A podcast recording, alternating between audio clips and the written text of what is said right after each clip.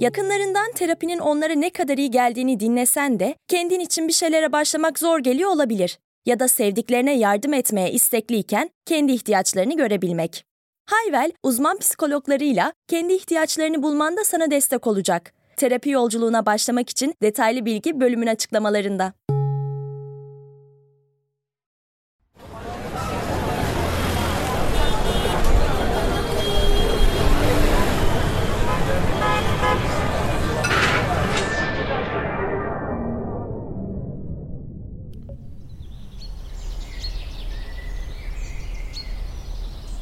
Herkes benimle mi? Burası Sepin Kafası. Hepiniz hoş geldiniz.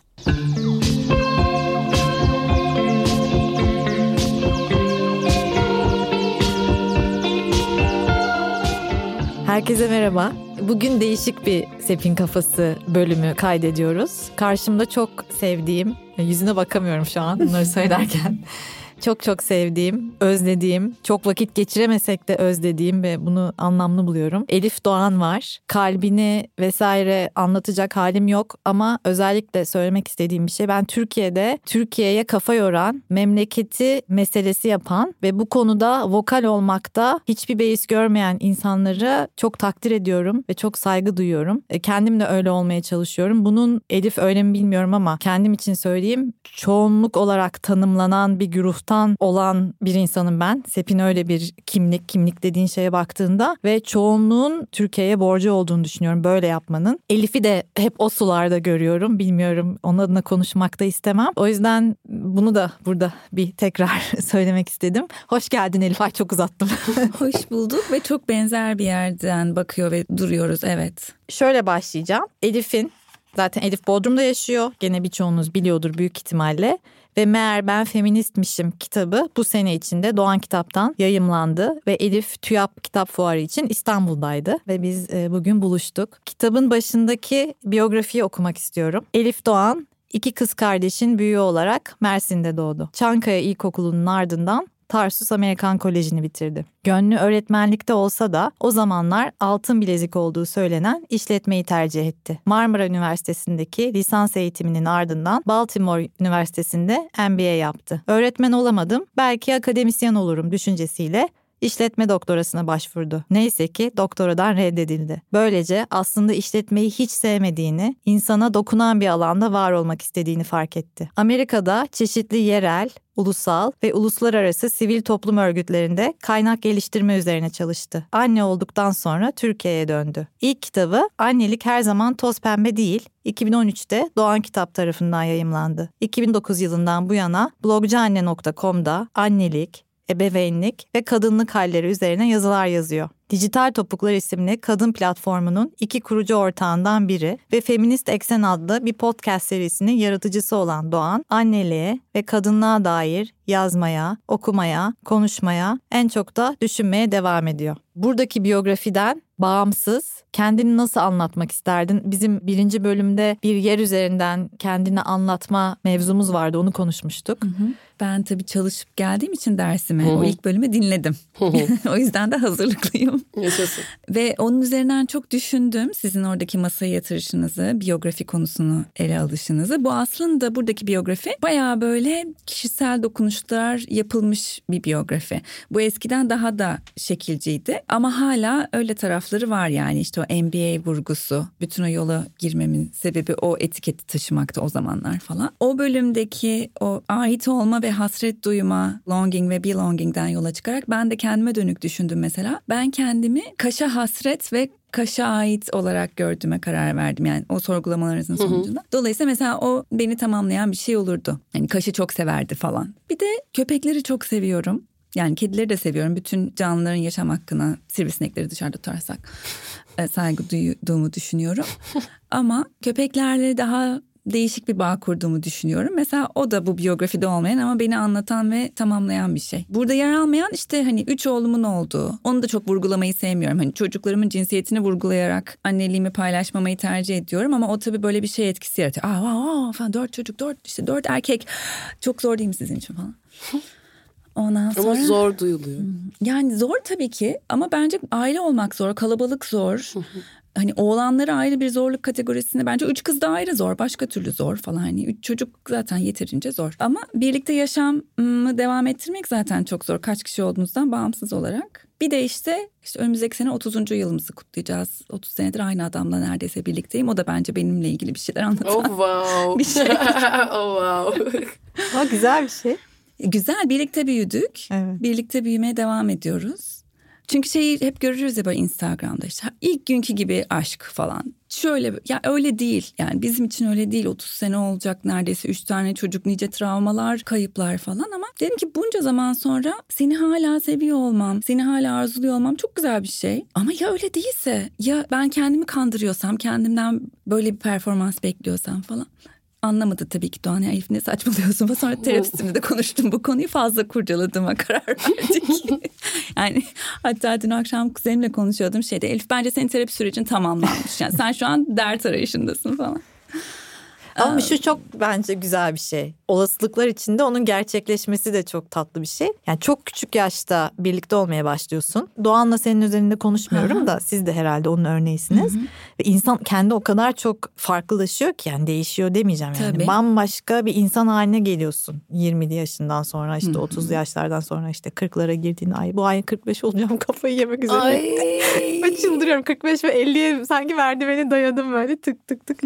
Ve yani aynı eve taşımaya karar verdiğin insanla işte evlenmek dediğimiz adına hı hı. o farklılaşmayla birlikte hala aynı mekanda var olabilmek bence onca olasılık içinde evet. çok büyük bir şey. Ee, çok güzel bir şey yani. Çok bence de öyle. Evet. İşte ben böyle kendinden çok şüphe eden bir insan olduğum için bazen ne kadar şanslı olduğumu düşünüyorum. Bazen de yani ya o kadar şanslı değilsem diye bir iç ses konuşuyor bir taraflardan. Ama bence de evet ve bundan ne zaman daha iyi hissediyorum? Mesela Bell Hooks'ta okumuştum ben işte bu tek eşliliği. Mesela ben tek eşliliğin doğal bir şey olduğunu düşünmüyorum. Bence tercih edilen bir şey. Tek konforlu eşlilik. olan bir şey. Bazen konforlu bazen değil. değil. İyi hissettirebilen Hı-hı. ama. Sırtını dayayabildiğin ve hayatı birlikte göğüslediğin bir şey bence tek eşlilik. Hı-hı. Ve işte Bell Hooks da bununla ilgili bir şey söylüyordu. Yanlış hatırlamıyorsam. Yani bunun aslında karşılıklı verilen bir söz olduğunu ve iki tarafın da bunu devam ettirmek için bir anlaşma içinde olduğunu olduğunu söylüyordu. Bence de öyle bir şey ve bu süreç çok uzun bir süreç. Hayat uzun yani evet kısa ama bir yandan da çok uzun. Karşına bir sürü şey çıkıyor. Uzaklaşmak istiyorsun, belki bırakıp gitmek istiyorsun. Ama hani günün sonunda veya işte o günlerin sonunda, uzun süreçlerin sonunda artısı eksisinden daha fazlaysa bir araya geliyorsun ki bence bu bütün ilişkiler için böyle. Ebeveynlik için dahi söylenebilir. Yani bizim şansımıza ne mutlu bize ki hala işte birlikte gülecek, eğlenecek, şeyler buluyoruz işte yıldızlara bakabiliyoruz birlikte falan ama bu tabii gündelik hayatın zorluklarıyla birlikte. Senin de var ya hani rağmen ve birlikte. Evet. Öyle. Evet. Yani biraz bir şeylere rağmen işte ne bileyim çocuklu hayata rağmen hayatın kendisine rağmen ekonomik zorluğa rağmen bir sürü bir sürü rağmen ama bir yandan da onlarla birlikte onların eşliğinde onlar sayesinde bir de. Onlar sayesinde evet. evet. evet. Yani ben genelde böyle küçük şeylerle mutlu olmaya çalışan bir insanım. İnsandım. Hatta seninle de konuşmuştuk bir ara sonra işte böyle bir minor depresyon sürecinde ben niye küçük şeylerle mutlu olamıyorum diye tedirgin olduğum olmuştu. Şimdi tekrar o tarafa gelebildim. Hani hayattan sen de hep keyif ekseninde konuşuyorsun ya hepin sizin bu bölümlerin hepsini dinlemedim ama keyif böyle önemli yer kaplıyor ve anlam. Benim için de öyle. Yani anlam ve keyif ağır basıyorsa sevmediğimiz işleri de yapıyoruz işte. Ev işleri de bunlardan biri eğer bağlayacaksak.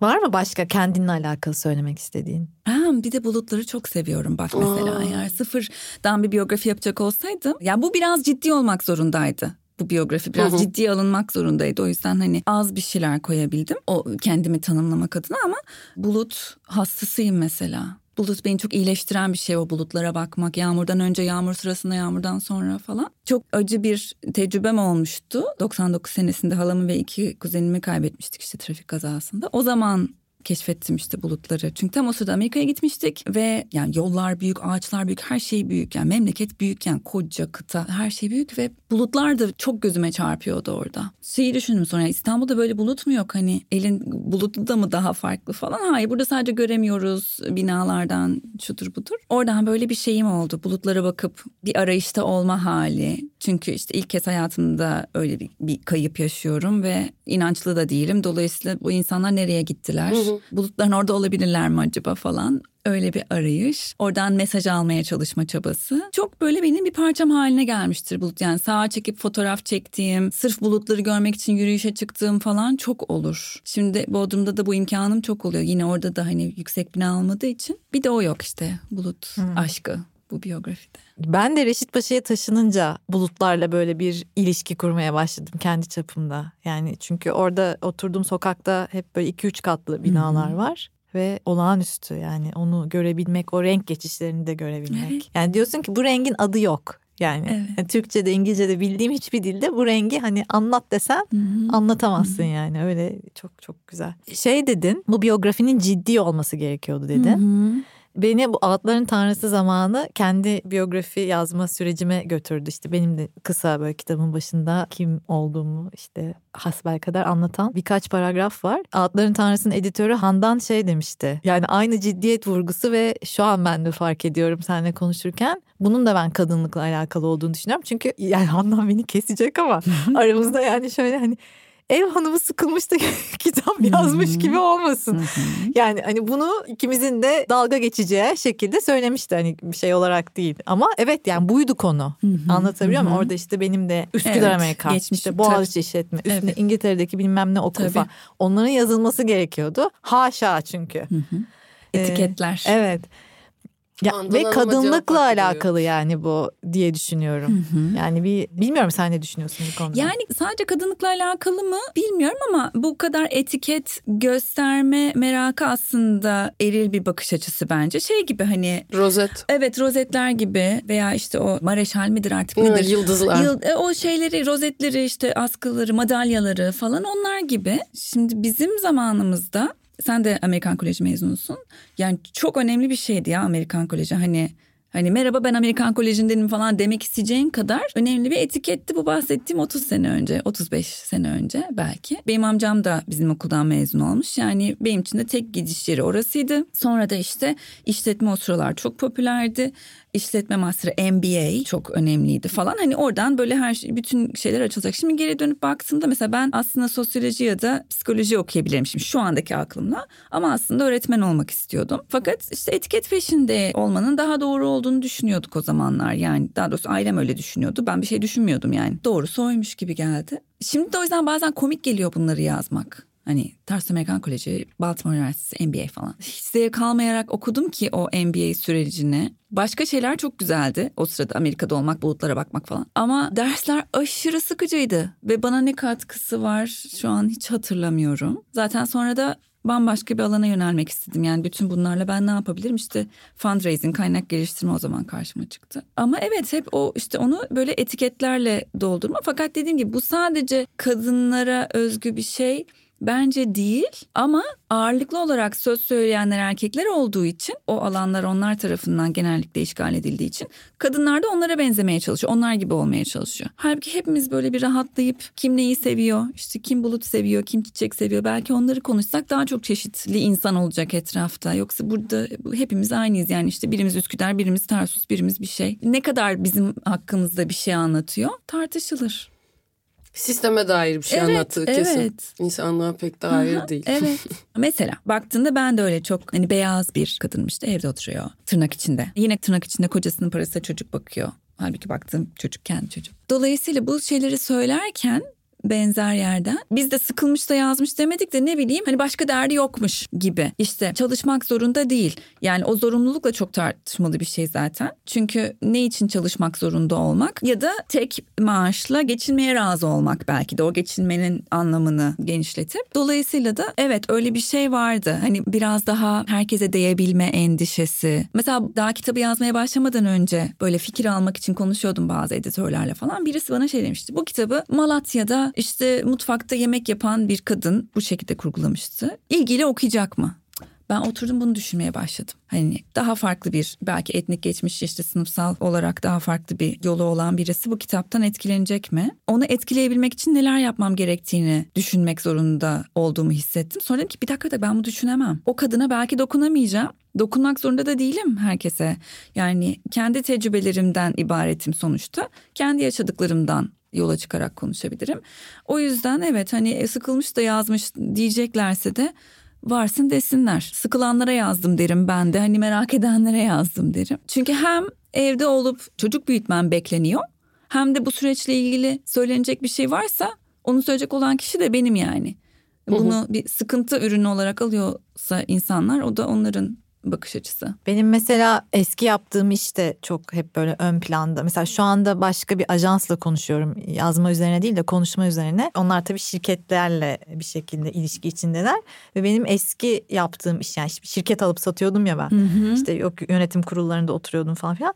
Onu böyle çok öne çıkarmak istediler. Haklılar da. Çünkü evet. şirketlerin evet. gözünde o evet bir şey. Bu konuda benim kafam karışık. Çünkü ben böyle o halime bir yandan minnettarım iyi ki yapmışım. Bir yandan böyle silmek istediğim yani silmek derken ben o değilim dediğim bir dönemdi belki benim için ama şunu da görüyorum. Aslında böyle içten içe bir gurur duyuyorum onları yapmış olmaktan ve bunu söylemek mesela bir süre yani şu an belki ilk defa söylüyorum. Yani bunu böyle kendime itiraf etmek veya sağda solda konuşmak eskiden çok yanlış gelirdi veya ukalalık gibi gelirdi. Ama yok yok ya ben herkesin erkek olduğu bir ortamda Türkiye'de o işin ilk kadın partneri de oldum. En Hı-hı. genç partneri de oldum. Oldum yani yapacak bir şey yok. Hı-hı. Hani evet bir takım ayrıcalıklarımdan dolayı işte o okulda okudum diye o üniversiteye gittim diye oldu belki. Yani bunları yatsımıyorum. Onların yardımı olmuş olabilir. Evet. Hı-hı. Ama oldu ya yani onu da o yüzden böyle o işte şey ajans bunu dediğinde önce e, e, yok yani acaba falan filan sonra böyle tamam ya ben bir bakayım yazabilirim belki falan deyip böyle 2-3 cümleyle onu da yazıp verdim ve e-mail attım yani ama çok uzun sürdü. Yani aylarca o biyografiyi bir türlü veremediğimden hmm. benim videolarımı yükleyemediler.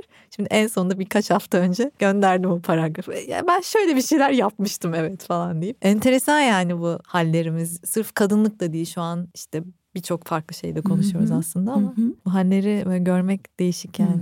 Neyse. Kesinlikle Şimdi ben de mesela döndüğüm zaman ilk kitabımı ki bundan yaklaşık 9-10 sene önce çıkmıştı. Onu küçümsüyorum mesela ben de. Çünkü bu şimdi böyle feminist bir iddiayla çıktı ya. O yeterince feminist değilmiş gibi geliyor. Halbuki aslında o dönem içinde o da, onun da iddiası olmasa bile gittiği bir yerler varmış meğer. E, şimdi görüyorum. Ne zaman anladınız feminist olduğunuzu? 5-6 sene hmm, önce kendime. Çok iyi. Tabii tabii canım. Tabii yani 3 çocuktan almıştım artık. 3 tane çocuğum vardı o da şöyle oldu. Gaziantep Üniversitesi'nde bir yüksek lisans öğrencisi, pardon doktor öğrencisi Özge. Özge Atalay Küçük buradan da ona selam olsun. Benim blogumu konu alan bir tez hazırlamış. Hmm. Ben de işte akademisyen olmak niyet etmiştim ama olamamıştım falan. Yani akademiye karşı, öğretmenliğe karşı böyle hafif ezik duygularım da var yani. Çok istiyorum o ortamlarda olmayı seviyorum ve de önem de veriyorum söylediklerine. Yani çoğu insan da verir aslında akademiye. Ama ben belki bir tık daha. Ve Özge işte bu tezi yazdığı zaman benim söylediklerimi yani kendi kendime söylediğimi düşündüğüm şeyleri kendi kendime derken kendimce ve işte okuyanlara söylediğim şeyleri feminist kuramlarla eşleştirmiş. O zaman işte ben aa meğer ben feministmişim oldum. Çünkü işte akademide bunu hani onayladı ya yes falan. Bu da işte yaklaşık 5-6 sene önce yani 2017 falan da yanlış hatırlamıyorsam Özge'nin o tezi. Meğer benim söylediklerimin bir karşılığı varmış, bir anlamı varmış. Farkındalığını o zaman vardım. Ondan önce daha hani haşa ne haddime falan diyordum Akademi yani. tasdikli evet, evet, akademi onaylı. Süper. Feminist. Onay önemli evet.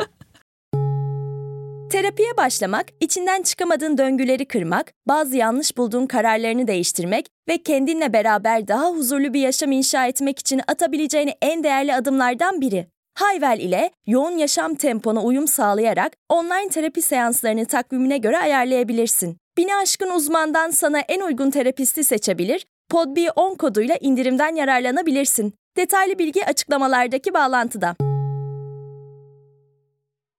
Şeyi sormak istiyorum sana. Gene hani kendi tecrübemden yola çıkarak Altların Tanrısı'nda demin biraz konuştuk öncesinde kayda girmeden önce. Yani son gece bile hala belli kesimler tarafından şimdi tırnak içinde ters algılanabilecek, yanlış anlaşılabilecek şeyler var mı diye bazı kelimeleri arattık metinde. O kelimelerin ne olduğunu şimdi söylemeyeceğim. Ve otosansür konusunda çok hassasım ben. Yani hep yakalamaya çalışıyorum kendimi. Otosansür yapıyorsam yakalayıp onunla alakalı pozisyon almaya çalışıyorum. Ama orada bildiğin otosansüre evet dedim. Hı hı. Ve son gece bazı cümlelerimi yumuşattık. Senin meğer ben feministmişim de veya başka yazdıklarında otosansür mekanizmasıyla ilişkini merak ediyorum. Hı. Gene bunun çünkü bir yandan hem Türkiye'de yaşamakla alakalı olduğunu düşünüyorum. Bir yandan Türkiye'de kadın olmakla alakalı olduğunu düşünüyorum. Yani genel hani bu çerçevede neler söylemek istersin?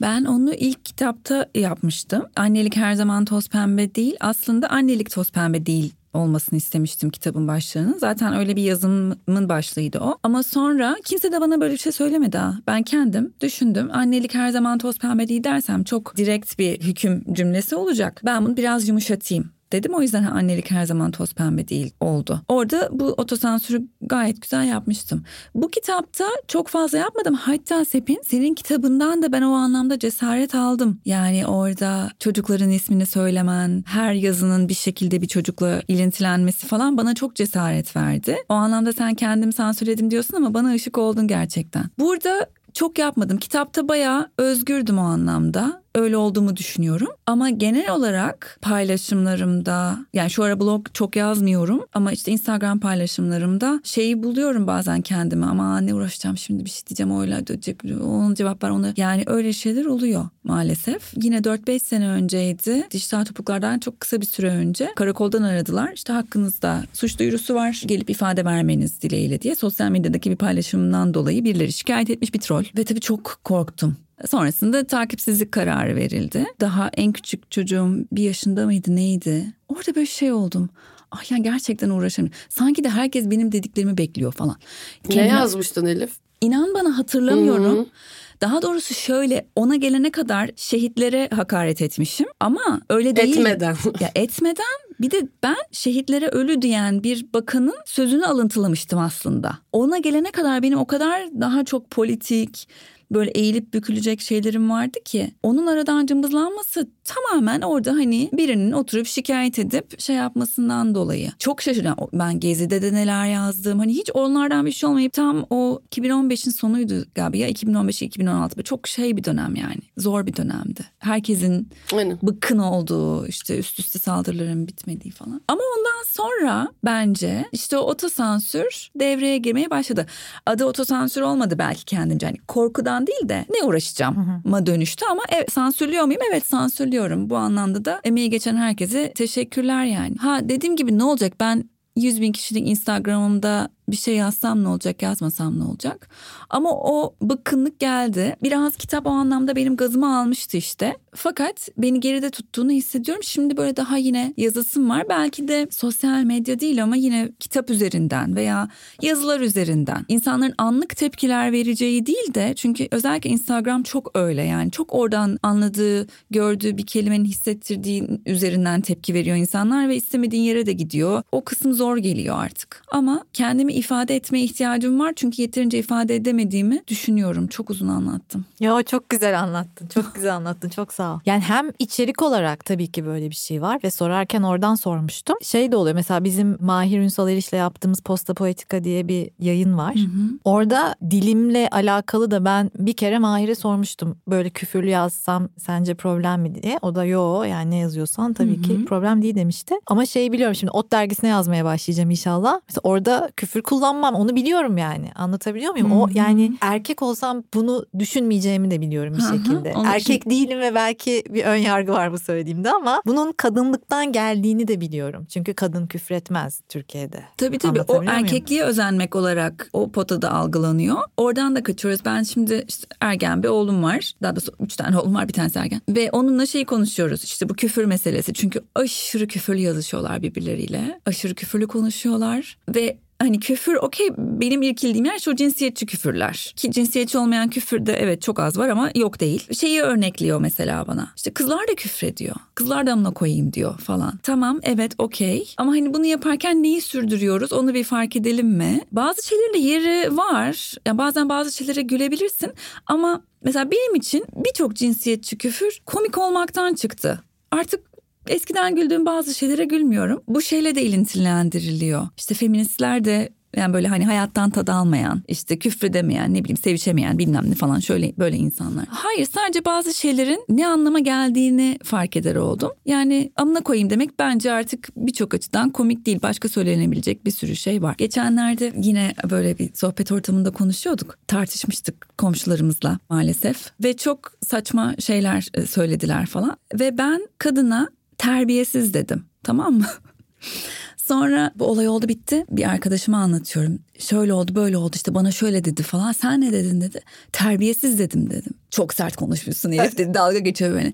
Bence çok sert gerçekten. Çünkü ben bir insana eşyol eşek derken sinirimden söylüyorum ama terbiyesiz. Hakikaten böyle gönlümden kopan ve gerçekten senin terbiye yoksunu olduğunu düşündüğüm bir ifade yani. O yüzden gerçekten çok sert konuşmuştum. Bence duygularımızın şiddetini anlatmak için mutlaka en cinsiyetçi yerlere gitmek zorunda değiliz. Ama ha şu da var biz bunu Derya ile konuşmuştuk bir zamanlar küfür açısından. Hani siktirip gitmek niye sadece kadınlara özgü bir şey olsun ki? Buradan işte konuyu da genişletip belki cinsiyetçi küfürleri daha az cinsiyetçi bir yere çekebilir veya biraz daha kadın odağından özgürleştirmeyi deneyebiliriz belki de. Ben güvenli alan dışına çıkarmıyorum artık cinsiyetçi küfürlerimi. Hı, evet evet Hı. bence de yakışık olan o. Kendi Ama güvenli şeyimden... bir alan içinde de yani olabilir bazen. Evet yani onun cicini evet. çıkartmamak gerekiyor. Evet. Şimdi böyle ne diyeceksem küfür gelmeye başladı. Aklımda çok kötü bir andayım. Sürekli küfür etmek istiyorum şu anda ama.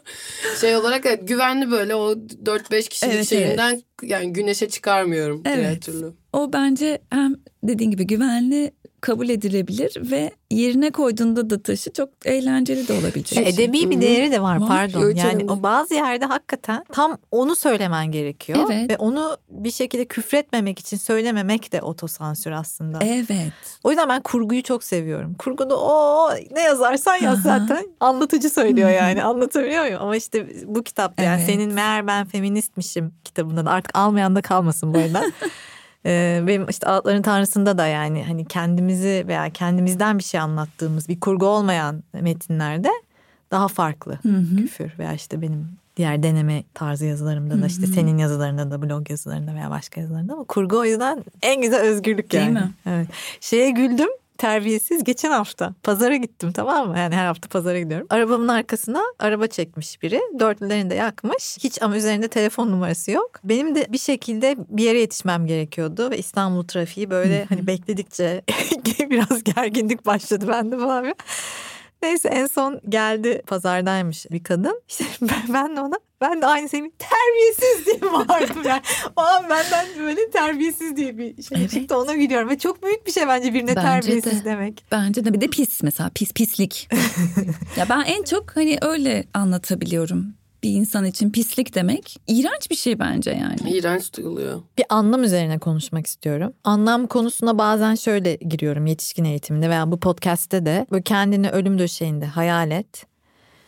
Ve geriye baktığında evet buydu benim istediğim cümlesini kurmaya ne kadar yakınsın? Yani buradan bir sohbet başlatıyorum. Bu bilmiyorum senin ilgini çekerse bunu konuşabiliriz veya senin için anlam nedir? Anlamlı olan nedir? Ya evet iyiydi, güzeldi, bu önemliydi benim için dediğin nedir diye ee, sorayım. Şeyi okudun mu Sepin Mutsuz Olmak?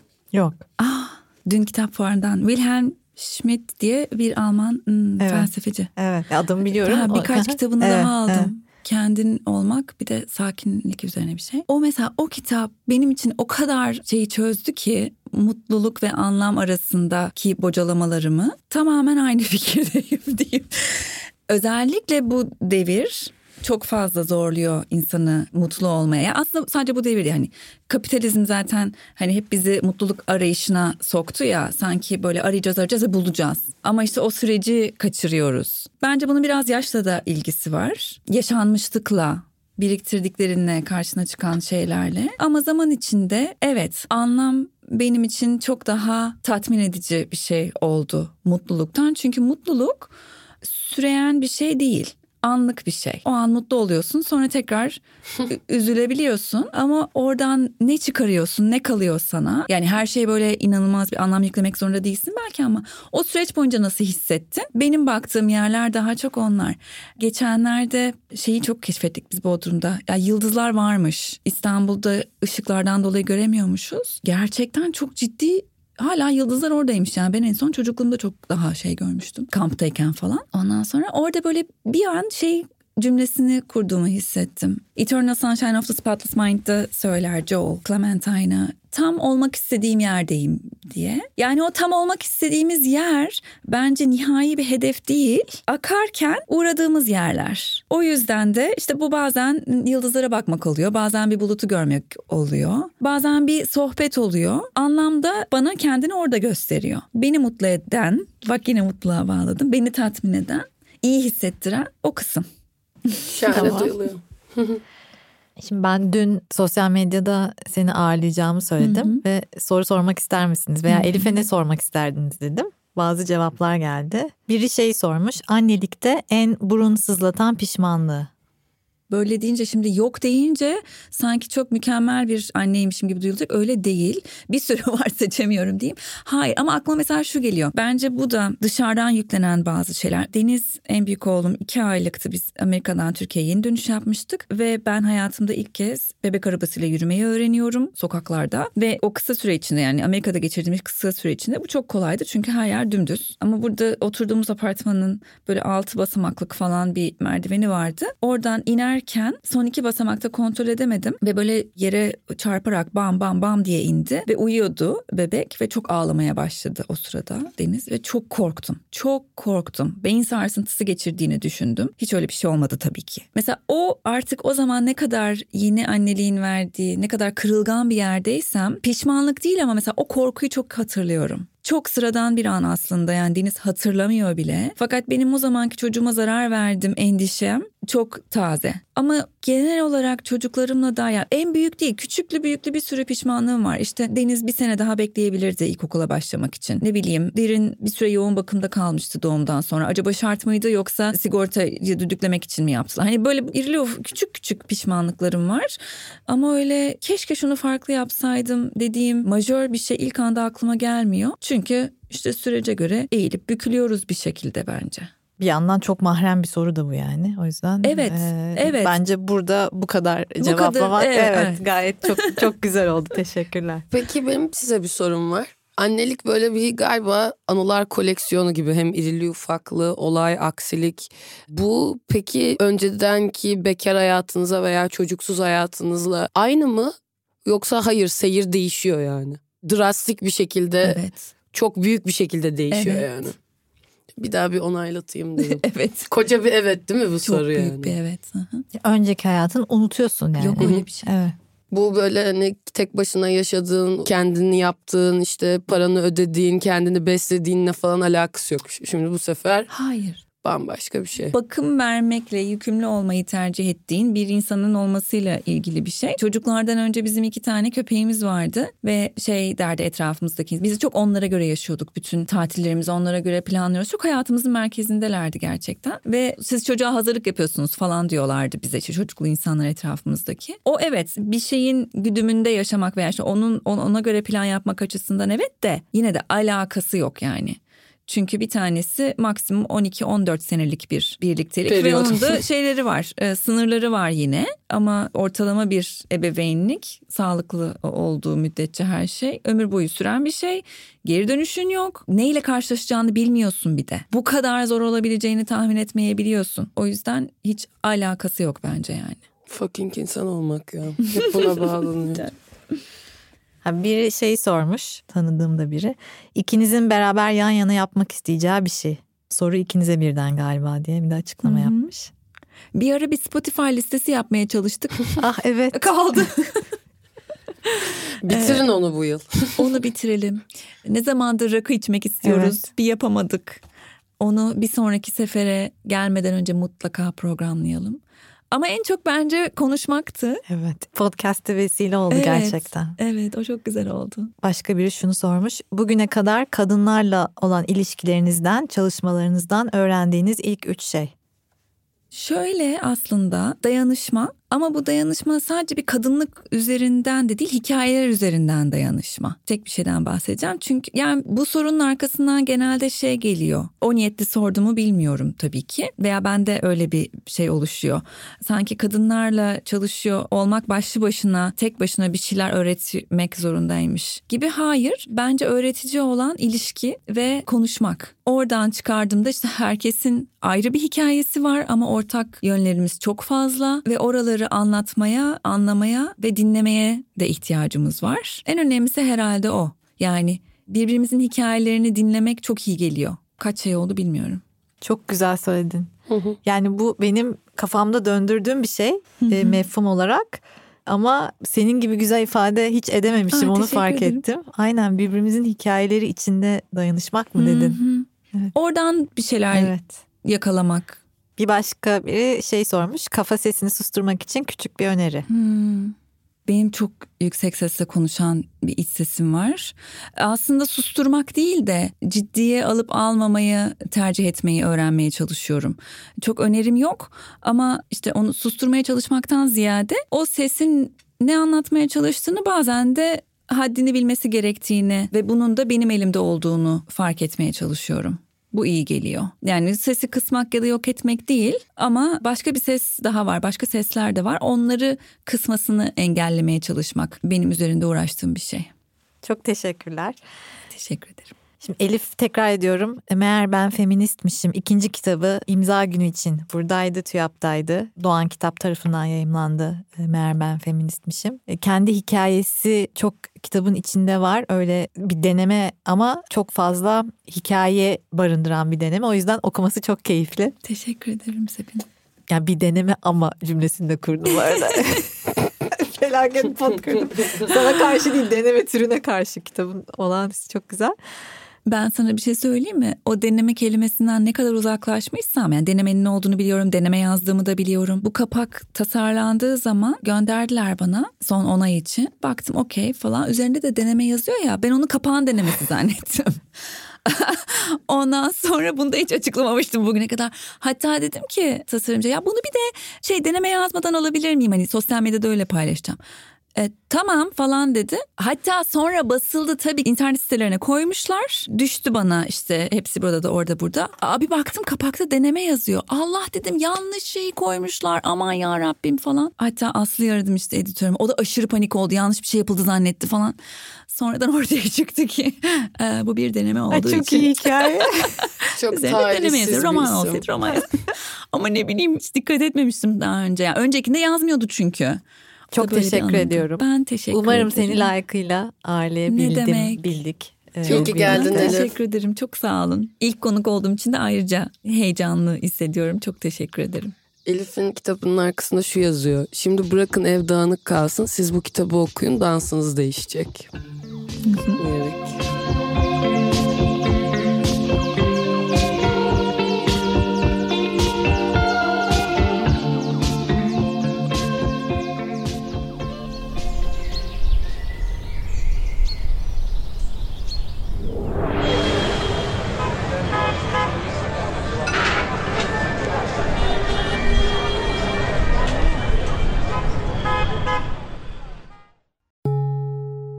Bugününe hem yarınına katacaklarıyla terapi yolculuğuna ve daha iyi hissetmeye bugün Hayvel ile başla. Açıklamadaki linkten Hayvel'i indir, ücretsiz tanışma görüşmelerinin ardından bütçene uygun seans paketini seç ve terapi yolculuğuna başla.